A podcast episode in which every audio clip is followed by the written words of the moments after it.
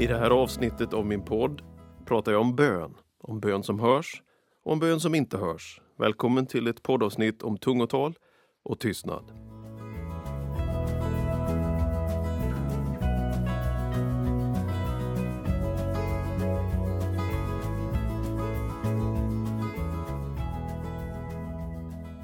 Jag har läst ett par böcker den sista tiden som påverkar det här poddavsnittet. Den ena är boken The Hidden Power of Speaking in Tongues skriven av en Mahesh Shavda, pastor i Charlotte, North Carolina i USA. Den andra boken heter Allt är bra när allt känns fel. Den är skriven av John Chapman som levde 1865 till 1933 och var en engelsk benediktinmunk. Och han eh, tillhörde Downside Abbey och var också klostrets abbot. Han har skrivit en bok som heter Allt är bra när allt känns fel. Och det är en brevantologi, en samling av brev om den kontemplativa bönen. De här två böckerna kommer från två olika håll i kristenheten kan man säga. Men de har någonting viktigt att säga till oss, tror jag, från just sina två håll. Snart är det sommar och i frikyrkligheten så är det många sommarkonferenser. Inom pingst har vi ju de två stora, Lapplandsveckan och Nyhemsveckan. Och när jag tänker på de konferenserna så känner ju jag att men jag vill samlas med människor som ber och tror och där det kommer ut, där det är någonting expressivt, någonting som hörs, någonting som märks, någonting som är ja, tungotal, som är lovprisning och som är kraftfullt. Ändå så finns det ju en helt annan sida av bönen när man är ensam eller när man är i ett läge där man kanske inte kan be högt. Och vad är då den tysta bönen, det är lite mer kontemplativa? Mahesh Shavda han skriver i sin bok så här att vi är olika som människor och tar emot den heliga Ande på lite olika sätt. Han skriver så här.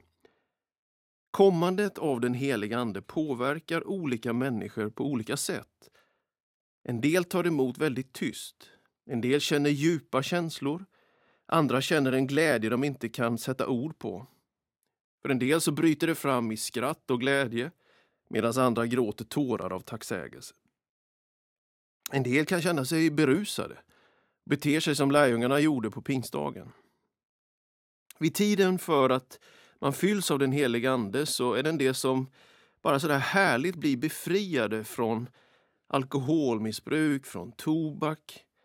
En sak som är gemensam för alla som på ett genuint sätt har tagit emot den helige Ande, så som jag har upplevt det, skriver Maher Shavda, det är att de alla känner en djupare kärlek till Jesus Kristus än någonsin tidigare. För mig så är den här överväldigande känslan av kärlek var väl så mycket en övernaturlig manifestation av den helige Ande, så som att tala i tungor. När jag hör om människor eller kulturer som kämpar med rasism eller antisemitism så är ofta min kommentar att de behöver bli fyllda med den heliga Ande. Den sanna anden som fyller hjärtan resulterar i ett överflödande av kärlek så att det inte finns någon plats för hat. Ja, jag tycker han fångar någonting väldigt bra där. Att tungotalet, uppfyllandet av den heliga Ande, dess verkliga frukt och dess verkliga essens är ju kärlek. Jag tänker på Apostlagärningarna 10 när aposteln Petrus kommer hem till officeren Cornelius i hans hus i Caesarea. Och det är en ovan miljö för aposteln. Det är nämligen icke-judar samlade där. Han var van att röra sig i den judiska kontexten. Han var van att möta dem, äta med dem, han levde så, han var uppvuxen så såklart. Och nu så är han i en helt ny miljö. Här finns då en händelse att medan Petrus talar, berättar om Jesus, vad som har hänt, om, om honom och händelserna med honom. Så medan Petrus ännu talade, står det i Apostlagärningarna 10.44, så föll den heliga Ande över alla som hörde det ordet. Och så står det lite längre fram, de hörde dem tala med tungor och prisa Gud. Det finns någonting hörbart, det finns någonting som kommer ut, någonting som har kännetecknat inte minst pingst, men som jag ibland känner att vi håller på att glömma bort och som vi skulle behöva återupptäcka. En brunn att gräva upp, en källa att ösa ur. Att det finns liv i den heliga Ande och att det här får faktiskt märkas. Om man är glad och det inte märks, det är ju ändå lite märkligt. Om man känner att det finns någon som har vunnit en seger som man får del av så är det ju märkligt att inte det på något sätt kommer till uttryck. Tungotalet har verkligen sin plats. Och Mahershavda han resonerar vidare i sin bok om detta. Och Han skriver till exempel så här att eh, tala i tungor är också ett tecken för de som inte tror. Paulus skriver ju om detta i Första Korinthierbrevet 14. Och att vi som är karismatiker, alltså karismatik betyder ju det nåden ger. Vi som tror på detta, vi som vill leva med detta som en, som en integrerande del i helheten av våra liv. För oss så är det nog viktigt att också bara få säga och påminna oss själva och andra om att karismatiken är attraktiv. Visst, det finns avarter, visst, det finns svärmeri, visst, det finns felaktigt bruk och därför behövs det sundhet, det behövs karaktär och det behövs ett bra ledarskap. Men, men ändå, själva livet är ju det vi alla längtar efter. Vem vill inte bli berörd? Vem vill inte känna att man är älskad och vem vill inte kunna uttrycka kärlek? Det vill vi nog alla, tror jag. Och därför så är karismatiken den är inte något bara för det slutna rummet. Den är inte det, utan den är också ett tecken för den som inte tror. Men han resonerar också utifrån Paulus såklart att ja, aposteln han skriver ju där att ja, jag talar i tungor mer än i alla, men så vill han ändå tala med sitt förstånd. Det finns ingen motsättning mellan karismatik och kunnande på det sättet. Däremot så tror vi ju att livet från Gud, precis som anden svävade över vattnet i skapelseögonblicket, att det andliga livet är det som är först, det är det eviga, det är det som föregår det fysiska. Nåväl, den andra boken då. Ja, men den är en eh, brevsamling som jag köpte bara för att jag på något sätt lockades av titeln. Allt är bra när allt känns fel. Här skulle man ju kanske kunna hämta vad ska man säga, bibeltankarna lite mer från Paulus tal i Aten, Paulus tal på Areopagen där han i Apostlagärningarna 17 och 28 säger i honom är det vi lever, rör oss och är till. Att det finns någonting i bönen som också är bara tillståndet. Förhållningen, andetaget och det tysta om du så vill, det reflekterande, det kontemplativa. Alltså det finns ju ett behov också av detta att ibland bara få vara i någonting. Man kan be ibland, men man kan vara bedjande alltid. Man kan uttrycka sin bön ibland och ibland så är det mer av ett andetag. Och Det finns så mycket goda kon i den här boken tycker jag. Han talar om att inte vilja någonting annat utom Gud. Att bönen inte blir det här begärandet bara tacka och be och söka svar på böneämnen utan att det är också att bara vilja Gud, att komma nära honom och att förenas med hans vilja. Han skriver att om folk blir allt mer ödmjuka och kärleksfulla och punktliga och bedjande finns inte mycket att frukta. De använder nådegåvorna på rätt sätt. Det är ungefär som Shavda skriver om frukten kärlek av andeuppfyllelsen. Så skriver ju John Chapman här liksom om att det finns ett en frukt som är så god som handlar om att vi, om man växer i ödmjukhet och kärlek och punktlighet och bön så används nådegåvorna på rätt sätt. Han skriver att som kroppen är efter sömn så är vår vilja efter bön. Att bönen får påverka vägval, hur jag pratar om andra människor, hur jag agerar. Och att böneandetaget, det livet, är med mig vandringen i Gud som gör att jag lever ett liv där bönen är så integrerad att den är mitt själva liv. Chapman skriver också, jag tror inte att andligt högmod utgör en fara för någon som på allvar försöker tjäna Gud. Den stora faran är vanligtvis missmod. Fastän det härrör från ett slags högmod, sårat högmod för att man inte är bättre. Jag läste den där strofen så slog det till mig. Jag tror också att det är så när det gäller kristenheten i Sverige så Ja, det finns säkert högmod här och där, men den stora faran för oss just nu tror jag är missmod. Jag tror att det, det, är någonting som vi kämpar med mer i så fall. Att vi vill mer än vad vi ser. Och man har en längtan att det skulle vara på ett annat sätt. Kanske både i sitt eget liv, i församlingen, i sin familj.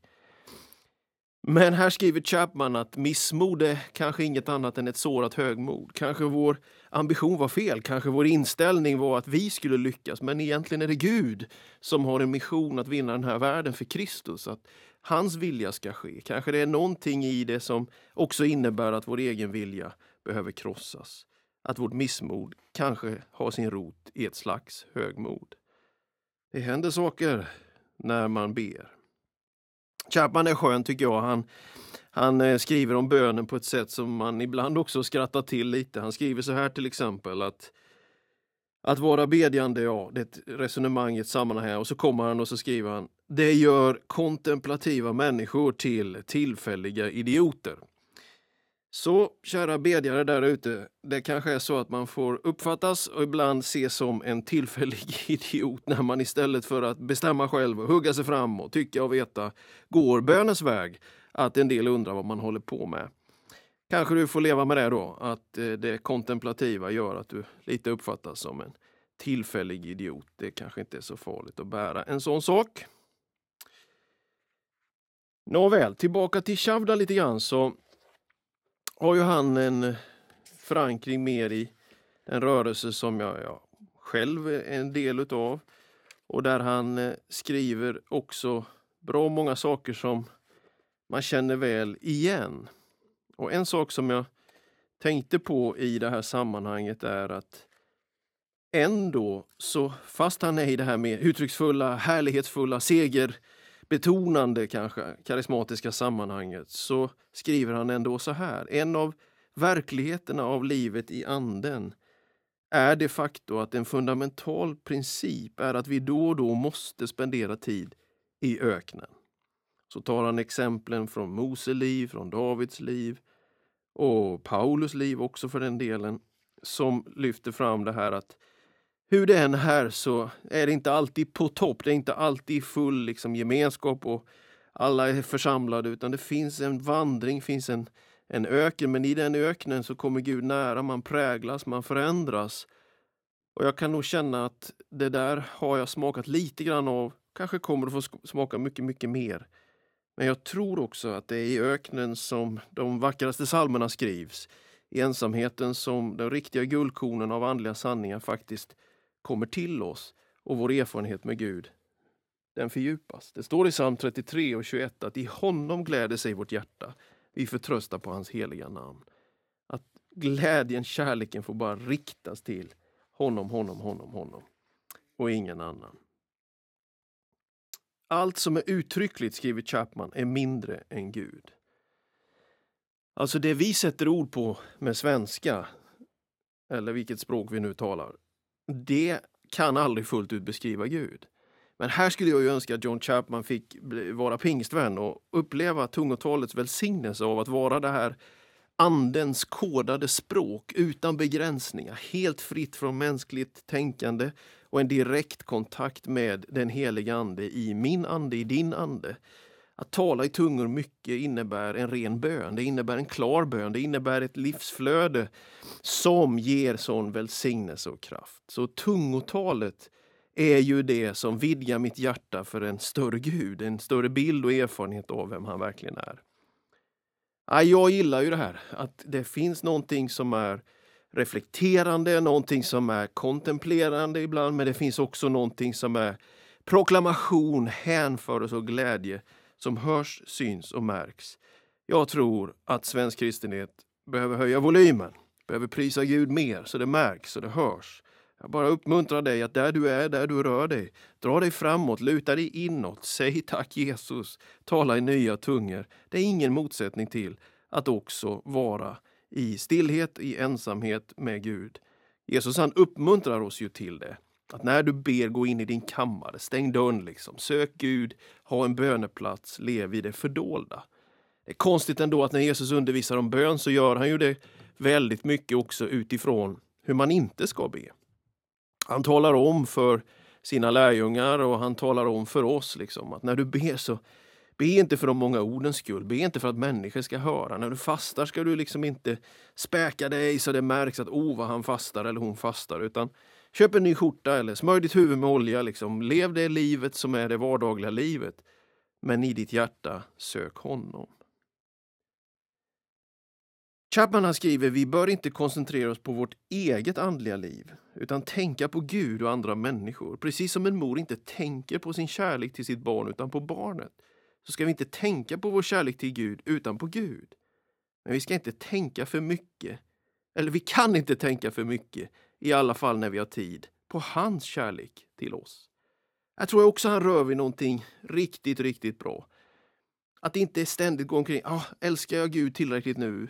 Eh, att tänka väldigt mycket på vår kärlek till honom utan istället tänka på hans kärlek till oss.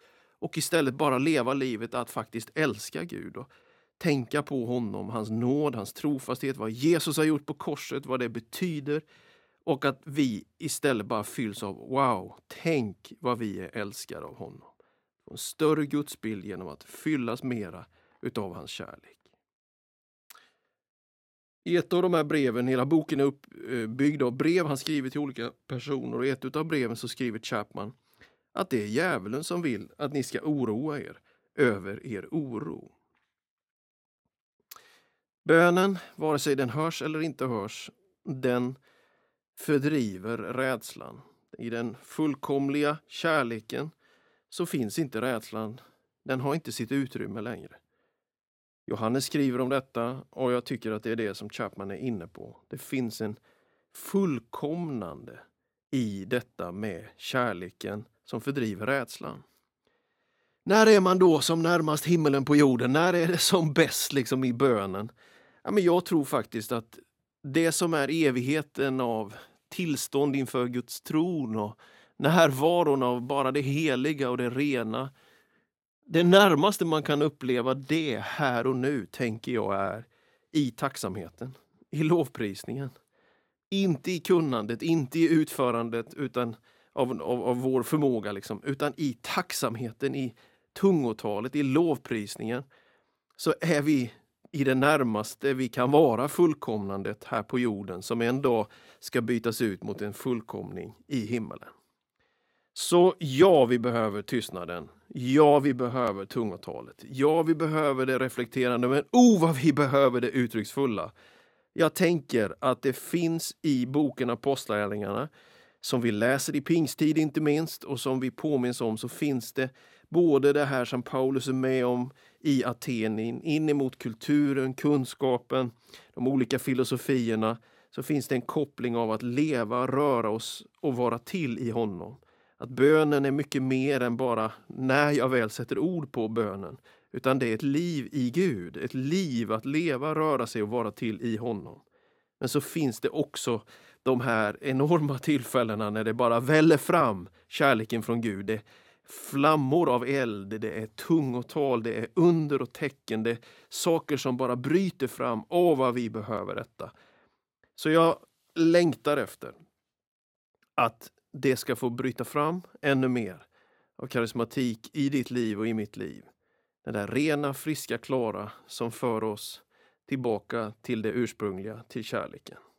För jag tror verkligen att Maher Shavda han har så rätt när han skriver om den verkliga, verkliga frukten av Andens uppfyllande är ett överflödande kärleksförhållande. Kärlek till Gud och en kärlek som räcker till andra människor.